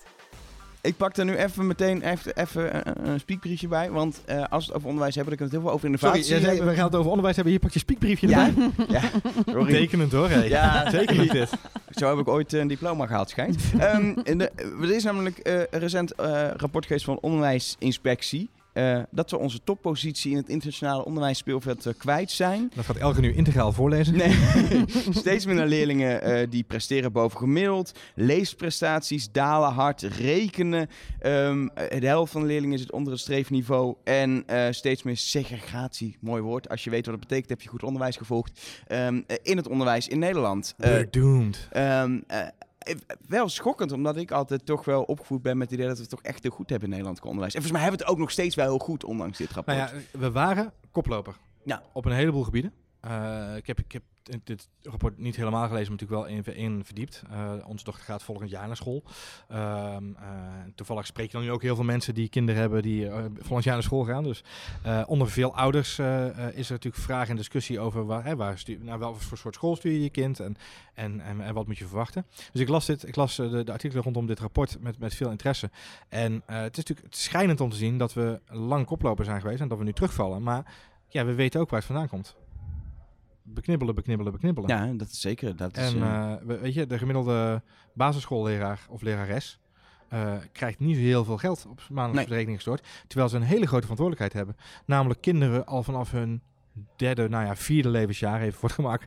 eh, want laten we de peuterlijsters maar even weglaten. Maar kinderen vanaf hun vierde levensjaar enthousiast maken om te leren. En, en, en dan, en dan, eh, eh, dan toch iets optimistisch. Dan is in Nederland is het heel weinig. Ja. Maar ik heb laatst weer een verhaal gehoord over Amerika in de duurdere steden. Mhm. Waar, waar gewoon serieus leraren van de basisschool, van openbare basisscholen, gewoon 20 uur per week als Lyft of Uber-driver rijden. werken, ja. Om überhaupt te kunnen leven en, en de huur te kunnen betalen van het huis waarin ze wonen. Ja. Het is gewoon wereldwijd is het een probleem. Dat volgens mij leraren. Is er een land waar misschien En in Scandinavië zal het wel goed zijn. Ik snap, ik snap er ook echt geen snars van.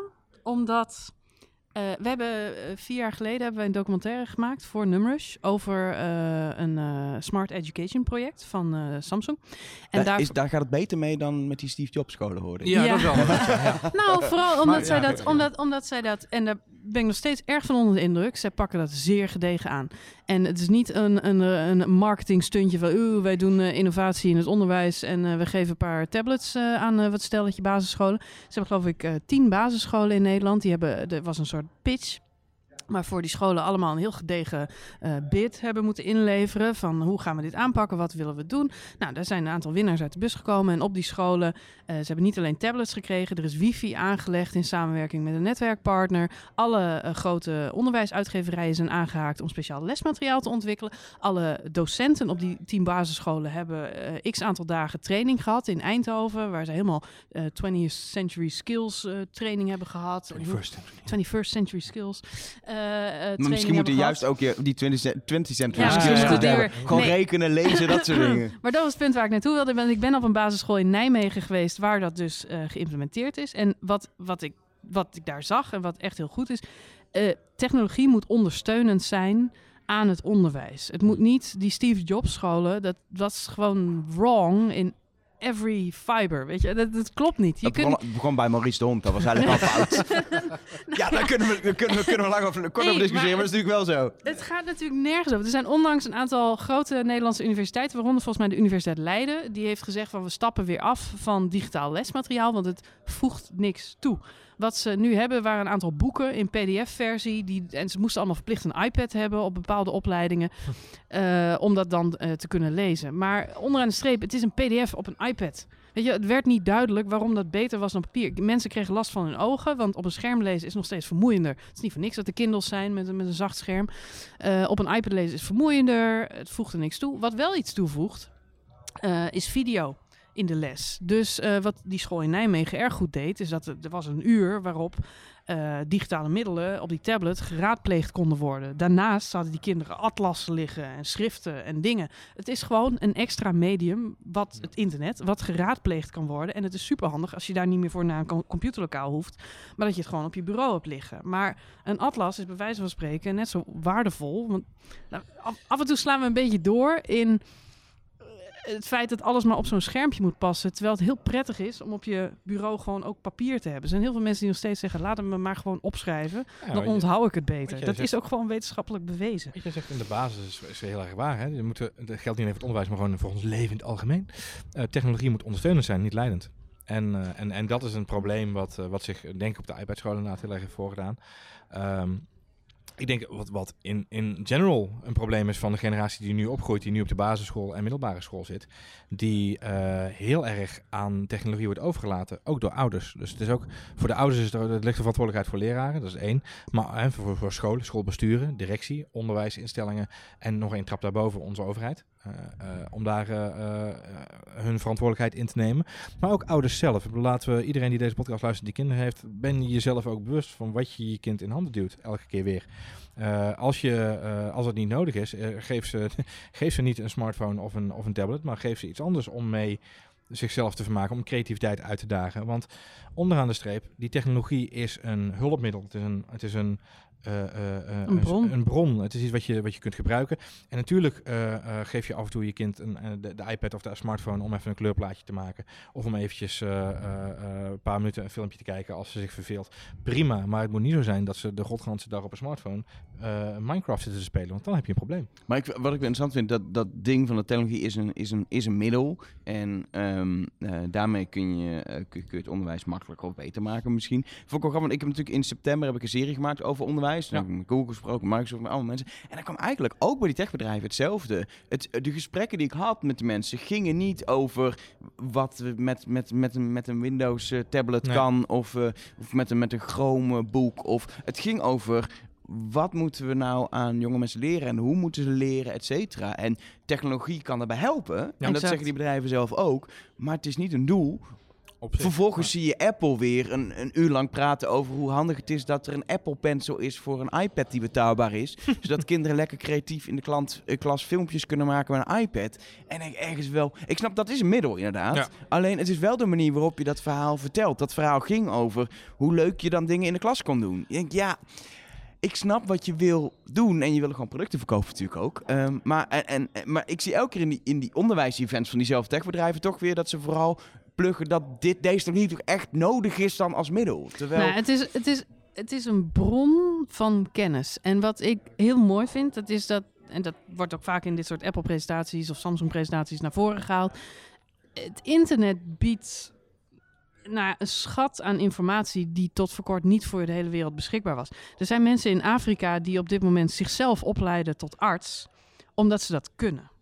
Via het internet. Eh, Apple University, daar staat een schat aan. Volgens mij staan diverse universiteiten, complete lesboeken, lesmaterialen. Je kunt hele Harvard-opleidingen doen via Google, eh, via Apple University. Ehm, dat is- super mooi. Alleen bij die mensen is het absolute noodzaak. Het is absoluut, weet je, die, die dagen zichzelf of, of, of een klas daagt zichzelf uit om hoger op te komen, omdat, omdat ze echt nergens zijn. Bij ons in Nederland is het. eh, ja, wordt het meer gezien, oh, dit zijn alle mogelijkheden, dit zijn alle spelletjes, we gaan, we, hè, laten we daar onze tijd op voldoen. Terwijl onze kinderen net zoveel behoefte hebben aan een, aan een landkaart, aan iemand die ze Mm. helpt navigeren door al die mogelijkheden. Ja. En ehm, dat heeft ook te maken met curatie. Een kind een iPad in de handen geven, dan, nou, zie je een leuk spelletje? Gaan we dat spelletje spelen? Ja, tuurlijk zoekt een kind, als je een kind in een, in een, in een winkel of in een, meeneemt naar een restaurant, zoek maar iets uit van de kaart. Ja, dus kiest hij een ijsje. Tuurlijk kiest hij een ijsje. Wat is het lekkerst op de kaart? Dus hetzelfde met, met, met een iPad of technologie in handen geven. Ze kiezen. dat is alweer winst.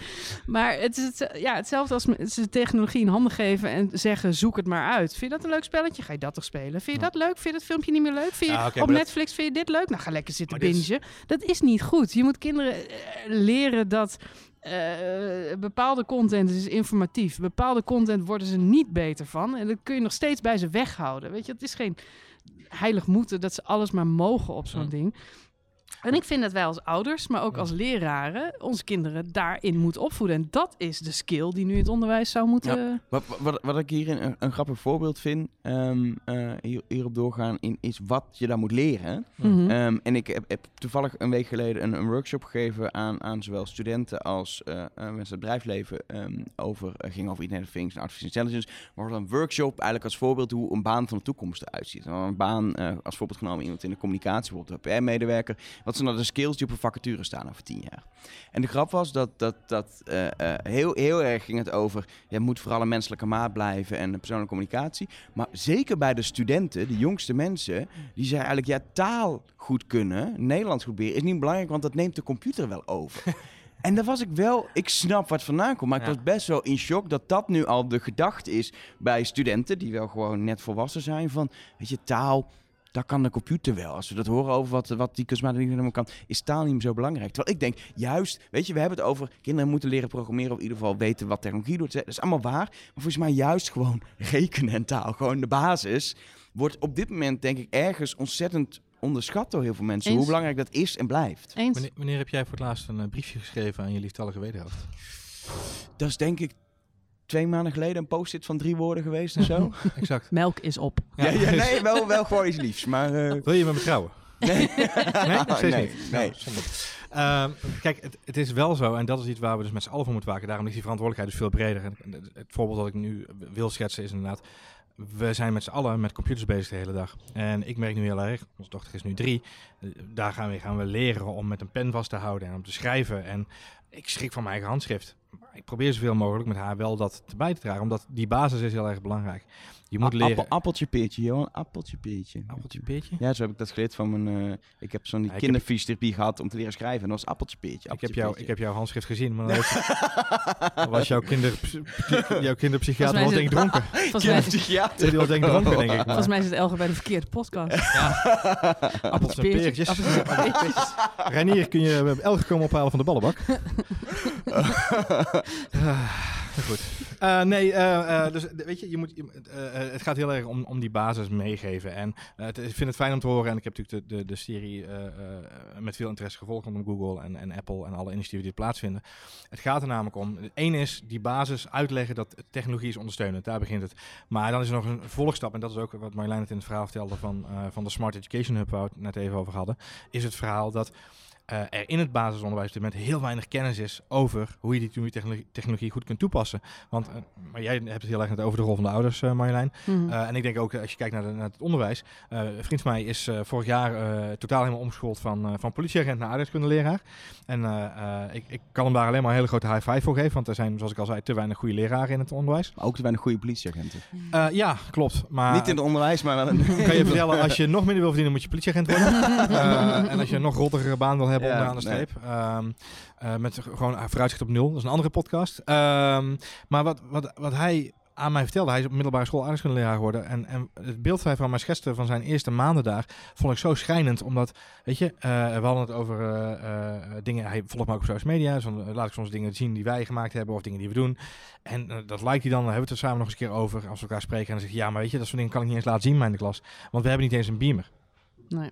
Eh, Ja. Weet je, de, de, een van de scholen in de, toen wij in 2014 de, de, de Rush Magazine maakten eh, over de Smart Education Hub, toen waren we bij die school in Amsterdam-Noord. En de, de, de directrice van die school vertelde dat ze zo blij was dat ze mee mocht doen aan het programma, omdat ze nu eindelijk wifi kregen op school. Mhm. Ze hadden niet eens een internetverbinding. Ze hadden Mhm. één computer, die had een kabel en dat was het internetverbinding. Eh, weet je, dat geeft aan hoe schrijnend het soms kan zijn op sommige basisscholen in Nederland. Er zijn natuurlijk ook wel goede voorbeelden. Absoluut. Als je hier nu in Haarlem drie scholen naast elkaar zet, eh, eh, dat is sowieso wel nodig met alle mensen die uit Amsterdam hier komen wonen en die hun kinderen op school willen hebben. Dus alsjeblieft drie Er scholen worden als een malle scholen Maar bijgebouwd. eh, hier. weet je, als je zet ze naast elkaar en vergelijkt ze met elkaar, dan zie je dus heel erg sterk dat er heel veel heel groot niveauverschil is tussen die scholen. Eh, en sommige scholen hebben het heel goed, sommige scholen wat minder goed. Ehm, eh, en sommige scholen gewoon echt ronduit slecht. Het begint bij het begin en dat is, eh, en daarom dat Smart Education verhaal zo goed is, geef mensen ook de kennis mee, geef leraar ook de kennis mee, wat het inhoudt om nieuwe technologie te omarmen. Ga niet tegen ze zeggen, je krijgt een smart, eh, zo'n smart display op je muur geplakt. En je gaat vanaf nu elke, eh, elke middag vanaf eh, drie uur tot kwart over drie, of van half drie tot drie uur, ga je spelletjes te spelen op het scherm. Een quiz die je kunt doen met z'n allen. Maar gebruik het in mate. We doen het op een bepaalde manier. Gebruik het display om ze te laten zien dat we bepaalde dingen kunnen. Maar zet het niet constant aan en doe er geen, eh, weet je, het, het is geen veredelde beamer. geen Er zijn, uit- er zijn Netflix. juist in deze tijden van technologische ontwikkeling, jij zei net schrijven en rekenen, weet je, de basics lijken mij het meest belangrijk. Juist in deze tijden van technologische ontwikkeling wordt het extra belangrijk, precies als die studenten van jou eigenlijk zeiden van hè, de computer gaat steeds meer dingen van mij overnemen, wordt het veel belangrijker dat de basisskills beter ontwikkeld worden. Ja. Dus inderdaad taal en rekenen, maar spreken, gewoon communiceren is een van de belangrijkste skills. En dat is wel iets wat we, waarvan veel oudere mensen klagen. Dat zijn kinderen aan het verleren. Omdat zij alleen nog maar digitaal met elkaar schakelen. Er zijn hele onderzoeken dat... ehm, eh, eh, kinderen steeds, meer, steeds minder fysiek met elkaar afspreken. Je gaat na school ga je naar huis en dan zit je de hele middag met elkaar te appen en te, te snapchatten en weet ik veel wat je allemaal doet. Ehm, dus communicatie onderling, die skill is een beetje verloren aan het raken. Eh, we zijn altijd jaloers op Am- Amerikanen en Engelsen, omdat die zo goed kunnen spreken. Dat zijn van die goede public speakers. Dat zit niet in onze genen. Als er iemand op tv is die goed kan presenteren, dan hebben we het daar met het hele land over. Want dat is zo uniek voor een Nederlander. Daar moeten we beter in worden. Creativiteit. Weet je, als de computers straks ons hele leven overnemen, is er nog maar één skill die we als mens kunnen toevoegen. En dat is creativiteit. Dat- Toch, toch die iPad met die Apple Pencil, waar je creatief mee kan zijn. Nee, maar nee, nou, nee, gewoon fysiek met dingen maken, verbanden, le- materialen voelen. Vergeet ook niet, eh, wat was de quote die jij ooit zei? People are tactile, Tactile people, ja. tactile beings. Beings, ja, ja. Het maakt ons gelukkig om dingen aan te raken, te voelen, te, Te zien eh, te, zien, te ruiken. Te, eh, weet je wel, de, de event business is more booming than ever. Obstacle runs, concerten, festivals. Waarom? Omdat we willen voelen dat we leven. En hetzelfde geldt voor kinderen op de basisschool. Leer ze presenteren. Leer ze met elkaar praten. Leer ze toneel spelen. Leer ze eh, knutselen, tekenen. en rekenen en taal en al die andere dingen. Want dat wordt niet overgenomen door een computer. Het blijft onderaan de streep het belangrijkste is hoe leer je het meeste? Dus door het te doen. Exact. Ik, Dus, vind, ik eh, vind dat hele mooie laatste woorden. want We zijn meer dan een uur aan het praten. Ehm, eh, leuk om dit zo te doen. Onze Ja. Even de Zeker. onderwerpen die we, die, we, die we hebben besproken weer Volgend een beetje in eh oude zending. Nou, oh, nee, ja, aflevering 250 denk ik. Dus Oh, een ja. jaartje of drie. 250. dat Jongen, zijn we- jongen, ja, jongen, jongen. Nee, wat ik wel benieuwd naar ben. eh, ik ga natuurlijk gewoon weer de wijde wereld in met, met mijn opnameapparatuur. Hebben jullie Ah, dingen rust. die jullie in de komende 100 Rust Talks als onderwerp graag aan de agenda willen toevoegen? Zeker. Nou, ik ben heel erg benieuwd naar eh, jouw upcoming blockchain-serie. Nee? Niet? Oh. Nee, als jij... eh, ik, ik, eh, Volgens mij hebben we een, een, eh, volgens mij moeten we een mooi Ik- pitch, pitchlijstje maken met dingen die we zouden terugzien. Maar ik vind, ik vind, vind- ja, nou, ja. Ik, blockchain noem je nou. Ik wil heel graag eentje over blockchain doen, maar dan wil ik het doen met iemand die, die even voorbij de hype is. En Ja. zodra je Ja. blockchain expert zoekt, kom je in een, in een wereld terecht waar je echt heel snel uit wil. ja. Dus als iemand een tip heeft voor een goede blockchain expert, nu krijg ik drie reacties van die ha- gehypede blockchain experts. Ja. Maar Dus dan kun je- even twitteren, moet je hebben. at Elger. Dan, want ik, ik, heb ben op zoek. ik heb sowieso wel één of twee adresjes voor je waar we sowieso een afspraak kunnen maken. Waar het leuk is om over te babbelen, denk ik. Ehm, En wat ik ook erg leuk zou vinden, ik ben zelf wel heel erg enthousiast nog steeds over sport en data. Ehm, en ik Johan sinds dit weekend iets minder over sport even. zie... weekendje. sorry, ik eh, negeer alles. nee, maar er zijn, eh, wij zitten alweer een race of drie Formule 1 te kijken. En wat heel leuk, Formule 1 is twee jaar, anderhalf jaar geleden overgenomen, heeft een nieuwe eigenaar. En wat je dit seizoen echt ziet, is dat eh, enorm, eh, ten opzichte van de afgelopen 30 jaar ineens enorme innovaties eh, zijn doorgevoerd op gebied van real-time data die je op je scherm hebt. Eh, de sport wordt daardoor begrijpelijker, het wordt leuker om te volgen. Ze proberen het. Eh, ja, er was al een tweede scherm-app. Ik geloof daar nog steeds heel erg in. Ik weet dat NOS in de tijden van Olympische Spelen en EK's en WK's voetbal, waarin we nog meededen, ook allerlei toffe second screen apps gelanceerd heeft. Dit, in Amerika is dit nog steeds echt een heel erg onderwerp. Van hoe kijken we sport en hoe wordt die belevenis toffer door real-time data. Dus ik zou het ook wel leuk vinden om daar weer eens wat entertainment, meer... eh, een beetje. En dan sport, sport en entertainment. ja, zowel professional eh, sports als ook natuurlijk gewoon eh, de, de doorgang. Ik ben zelf eh, best wel fanatiek aan het fietsen de laatste tijd. Ik vind Strava echt te gekke app om alle data die erin zit. Dus ik vind het ook wel leuk om eh, daar weer eens als je lege basis zoekt. Ja, ik Strava ik, denk, ik zou hem maken of niet. Ik denk, Ja. ik maak hem niet, maar jij doet het. Ja, zo ben ik, hè. Ja. Ik zet het op de lijst en ik ben heel benieuwd uh, naar luisteraars van Rustak of we die nog suggesties hebben. Dus heb je wat te melden? At Numbers of Ed Elger voor je onderwerpsuggesties. Ben je het totaal niet eens op dingen, met dingen die Johan heeft gezegd, dan kun je reageren naar... Ed Elger.